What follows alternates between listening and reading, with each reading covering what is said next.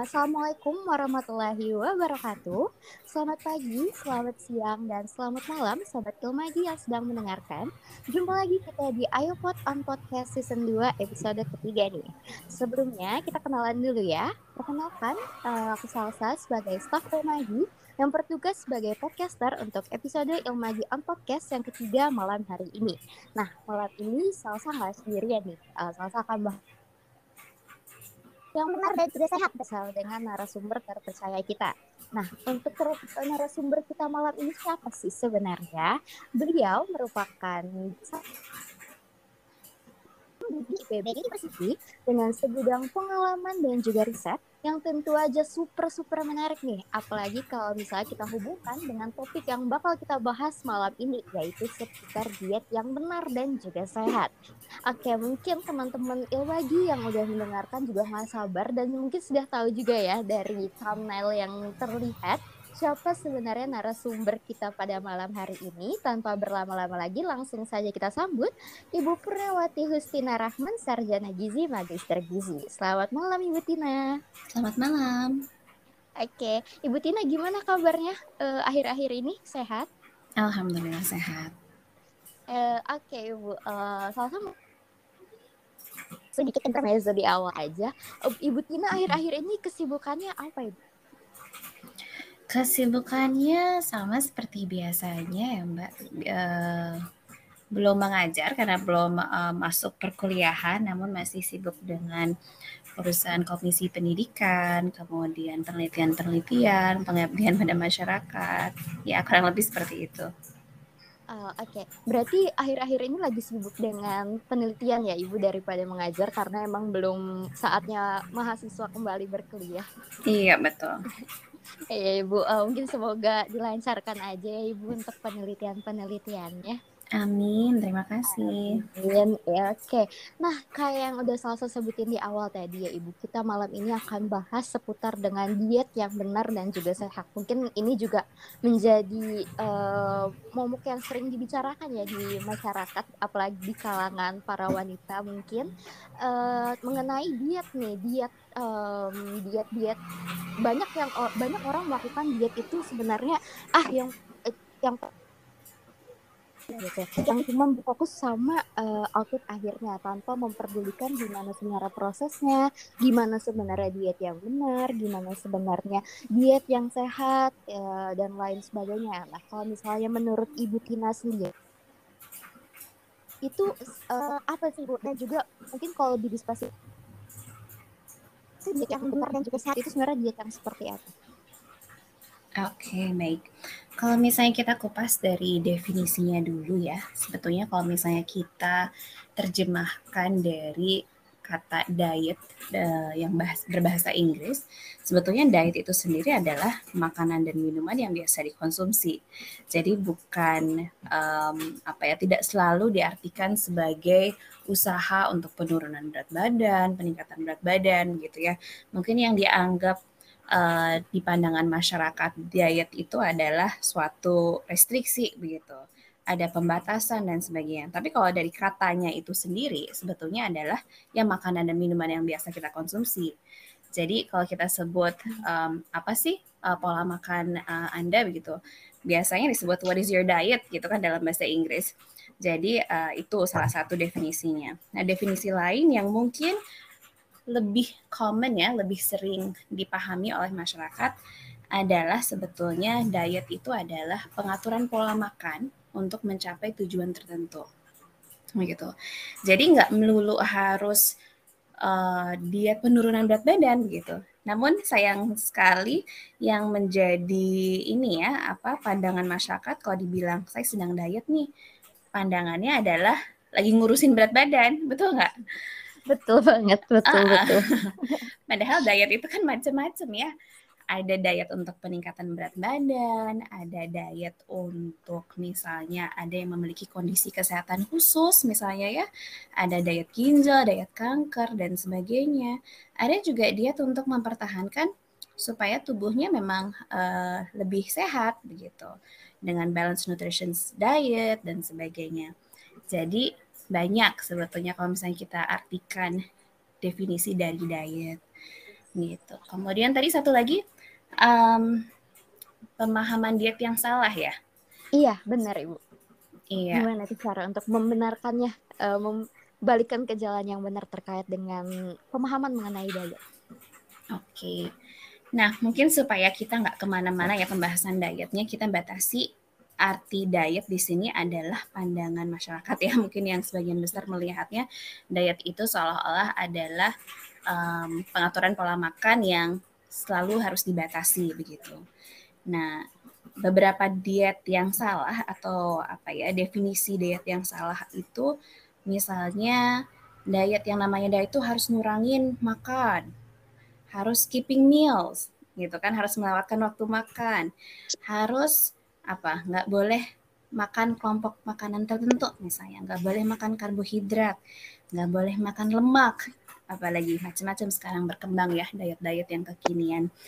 Nah, itu sebetulnya yang barusan saya sebutkan adalah contoh dari diet yang ekstrim yang justru kurang baik begitu.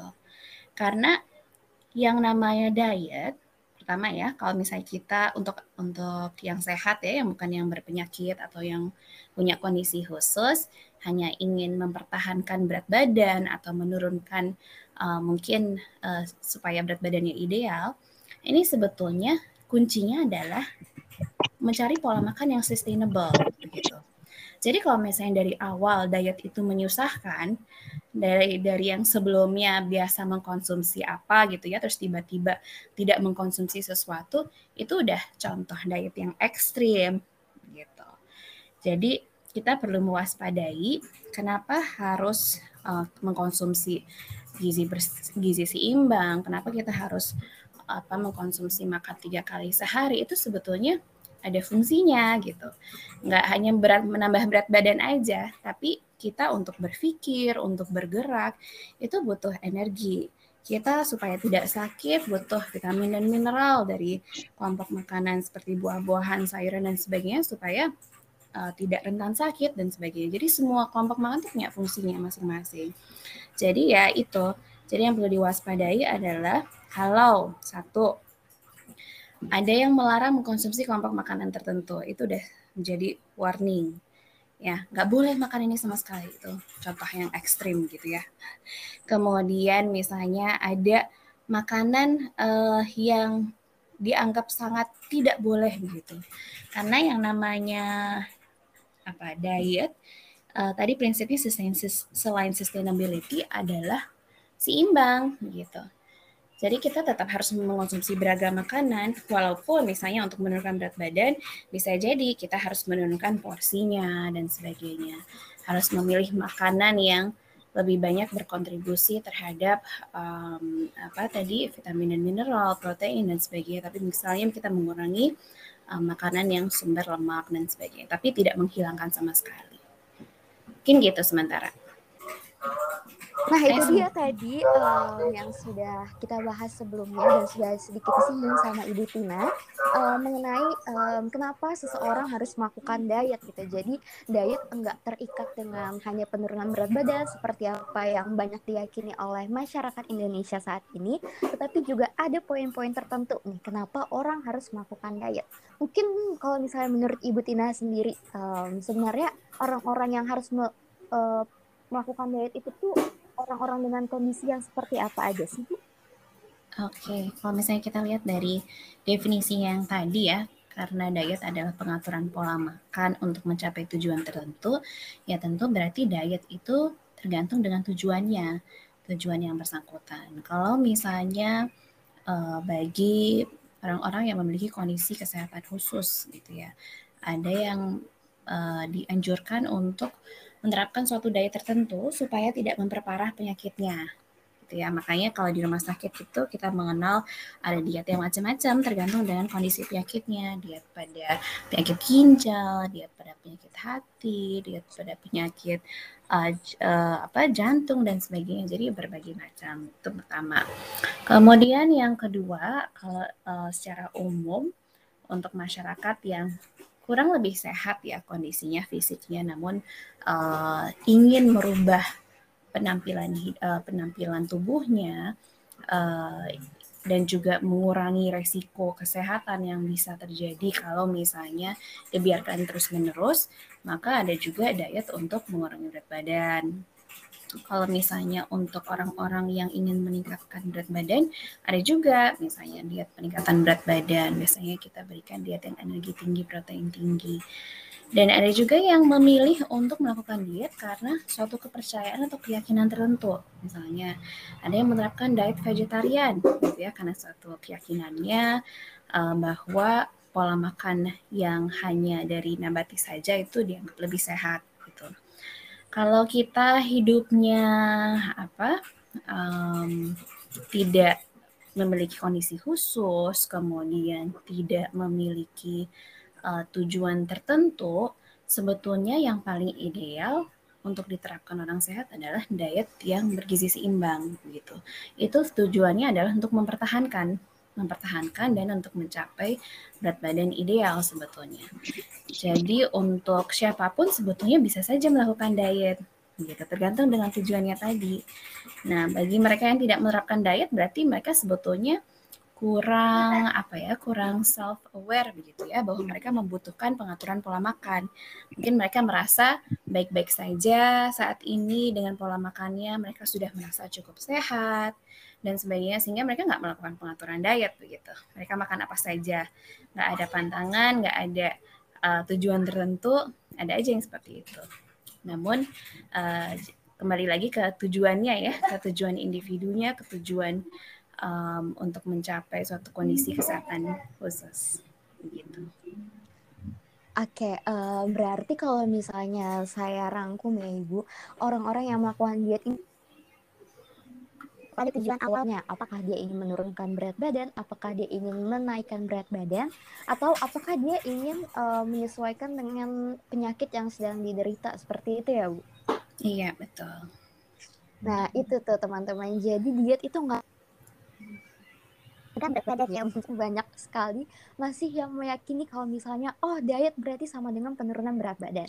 Enggak juga bahkan ada orang yang menaikkan berat badan itu juga disebut dengan diet tergantung kembali lagi dengan tujuan awal dia. Apa tujuan dia untuk menaikkan berat badan? Seperti itu. Mungkin teman-teman di sini yang awalnya masih mengira uh, diet sama dengan penurunan berat badan sekarang sudah dapat pencerahan sedikit ya. Kalau misalnya diet itu konsepnya cukup luas dan enggak terikat dengan hanya penurunan berat badan seperti itu. Nah selanjutnya nih, tadi kita udah bicara diet secara umum ya ibu. Nah selanjutnya mungkin teman-teman di sini jadi ada yang tercerahkan gitu. Uh, ah uh, ternyata diet itu tuh nggak se, se ekstrim yang dibayangkan, tapi nggak tahu gimana um, caranya untuk memulai diet.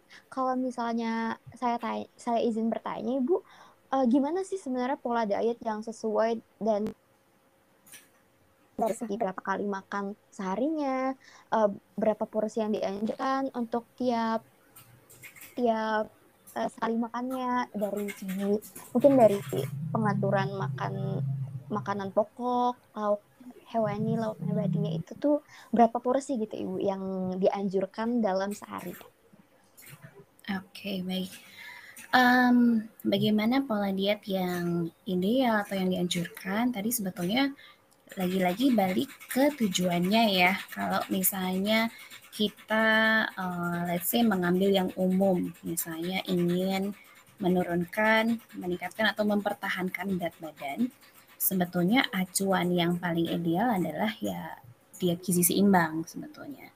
Karena dari anjuran diet gizi seimbang atau tumpeng gizi seimbang, isi piringku yang sudah dibuat oleh Kemenkes, hmm. ini sudah memenuhi kebutuhan kita sehari-hari. Jadi kalau misalnya kita evaluasi, ternyata kita masih suka makan dua kali sehari, kita lewatkan waktu makan pagi, itu kan tidak sesuai dengan anjurannya, itu sudah uh, salah satu warning sebetulnya bahwa kita sudah agak melenceng dari pola diet yang dianjurkan.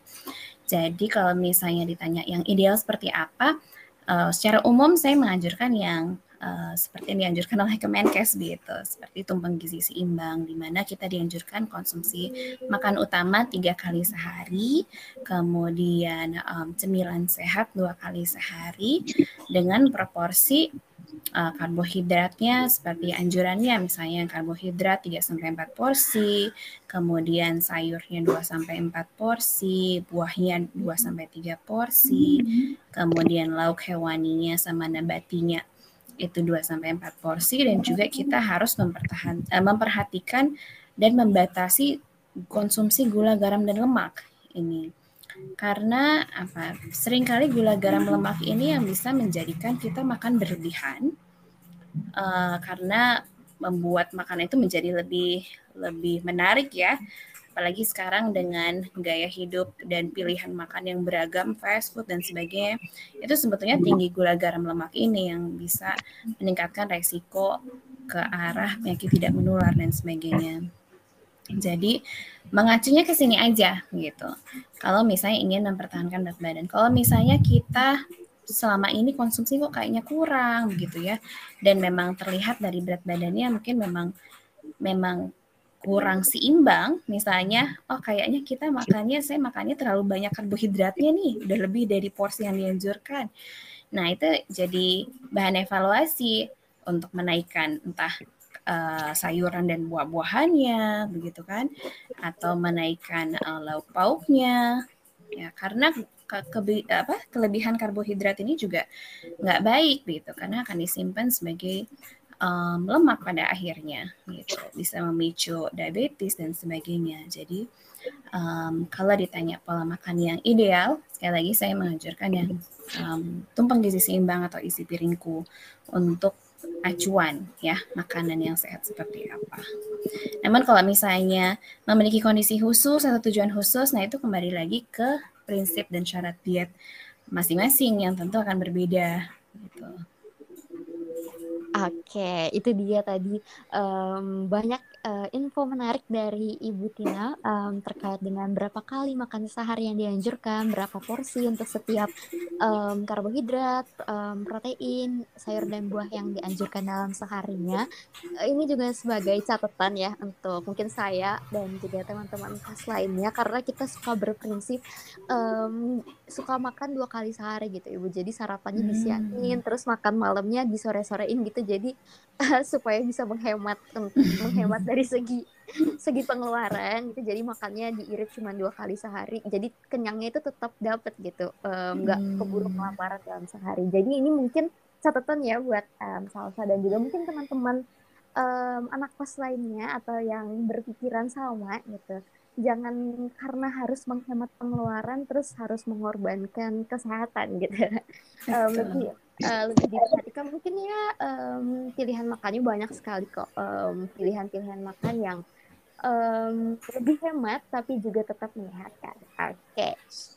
Nah, um, saya mau tanya ibu, uh, kan um, walaupun ya um, kadang udah banyak uh, dapat motivasi dari uh, dari uh, mungkin dari YouTube atau dari sosial media lainnya terkait dengan betapa pentingnya melakukan diet, tapi terkadang cara memulainya itu yang suka bikin bingung gitu. Uh, gimana sih cara memulai diet gitu atau kayak menumbuhkan rasa ingin memulainya itu tuh yang susah. Nah kalau misalnya dari Ibu Tina sendiri ada tips nggak Ibu gimana um, supaya uh, diri sendiri itu tuh merasa Ya, untuk memulai itu memang susah ya, karena kita harus punya motivasi yang kuat dan tujuan yang jelas tadi. Sebetulnya kita ini akhirnya mengharapkan apa sih dari pengaturan pola makan kita. Nah, supaya juga tidak one day begitu sehari diet terus habis itu uh, ditinggalkan karena merasa berat maka saran saya yang pertama mulai dengan hal yang sederhana gitu yang yang kita sanggup lakukan gitu. Dan dan itu sebetulnya bisa berbeda-beda uh, starting pointnya untuk setiap orang. Misalnya yang menjadi kendala dari diet kita uh, untuk menuju gizi seimbang adalah misalnya tadi frekuensi. Tadi ya Salsa sempat bilang uh, buat yang anak kosan itu susah nih untuk makan tiga kali sehari. Nah, apa yang harus dilakukan? Kita tingkatkan secara bertahap gitu. Misalnya dari pagi kita nggak biasa nih sarapan. Nah, mulai dengan sesuatu yang ringan. Apa ini yang bisa kita sediakan di kosan setiap pagi yang gampang diperoleh, nggak nyusahin dan apa ya, murah meriah begitu ya. Um, sehingga kita mulai dari langkah itu dulu gitu. Apakah itu misalnya apa? Saya kurang tahu apa yang yang tersedia di sekitar kosan ya. Um, apa let's say uh, pisang kalian nyetok pisang misalnya ya. Uh, biasa iya, yang sama sekali buah-buahan ya. Yang sama sekali nggak konsumsi apa pun paginya. Nah coba dibiasain ma makan satu pisang gitu. Satu aja dulu gitu. Mungkin nggak terbiasa langsung makan nasi lengkap ya. Uh, walaupun itu adalah idealnya seperti itu.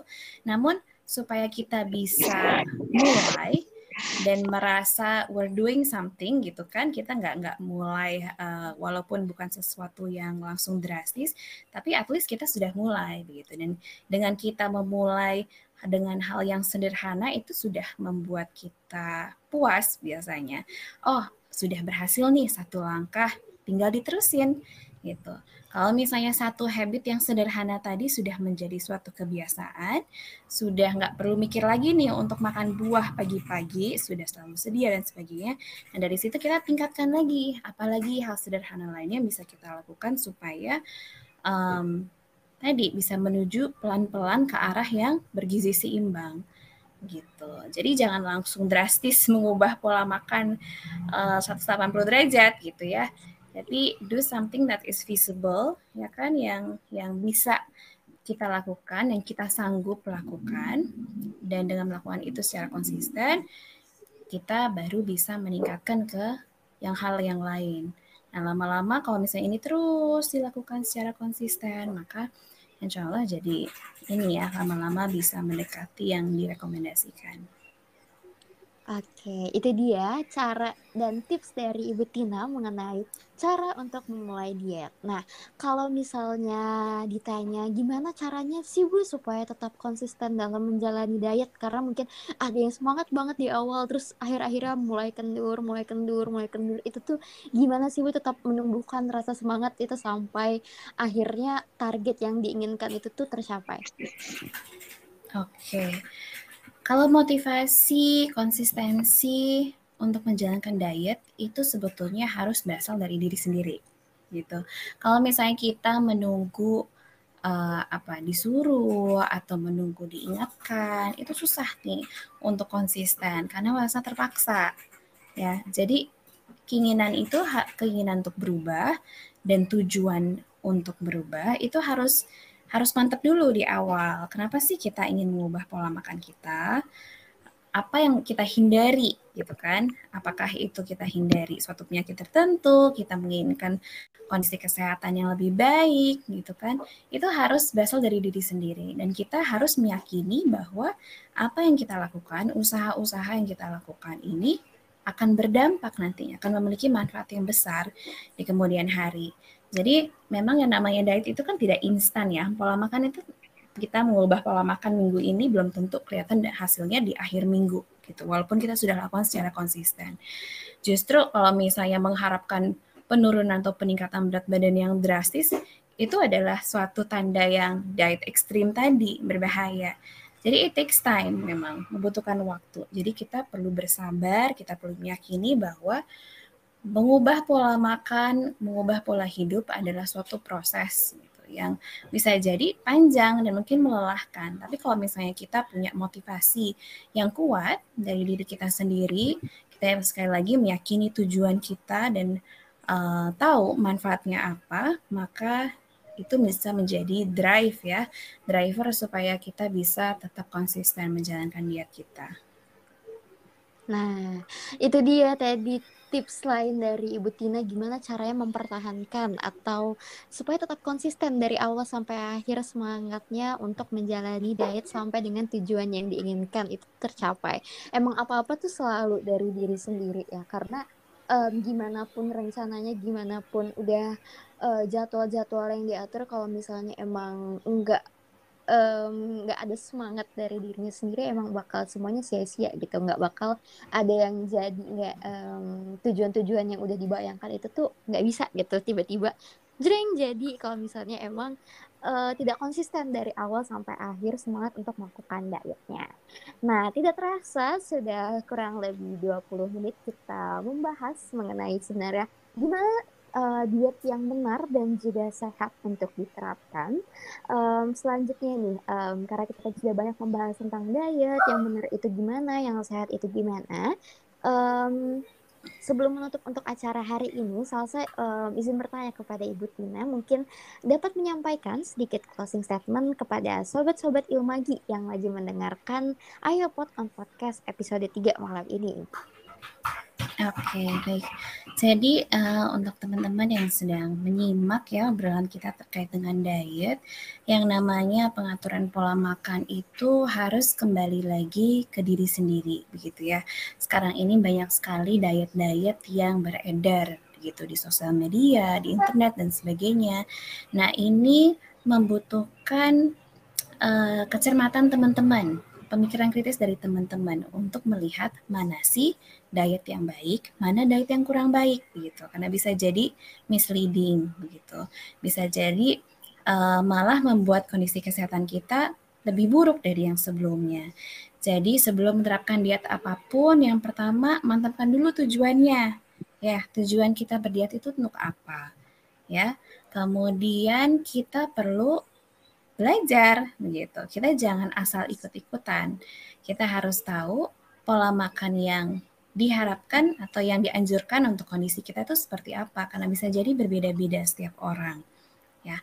Kemudian tadi yang ketiga adalah um, waspadai yang diet-diet yang ekstrim tadi.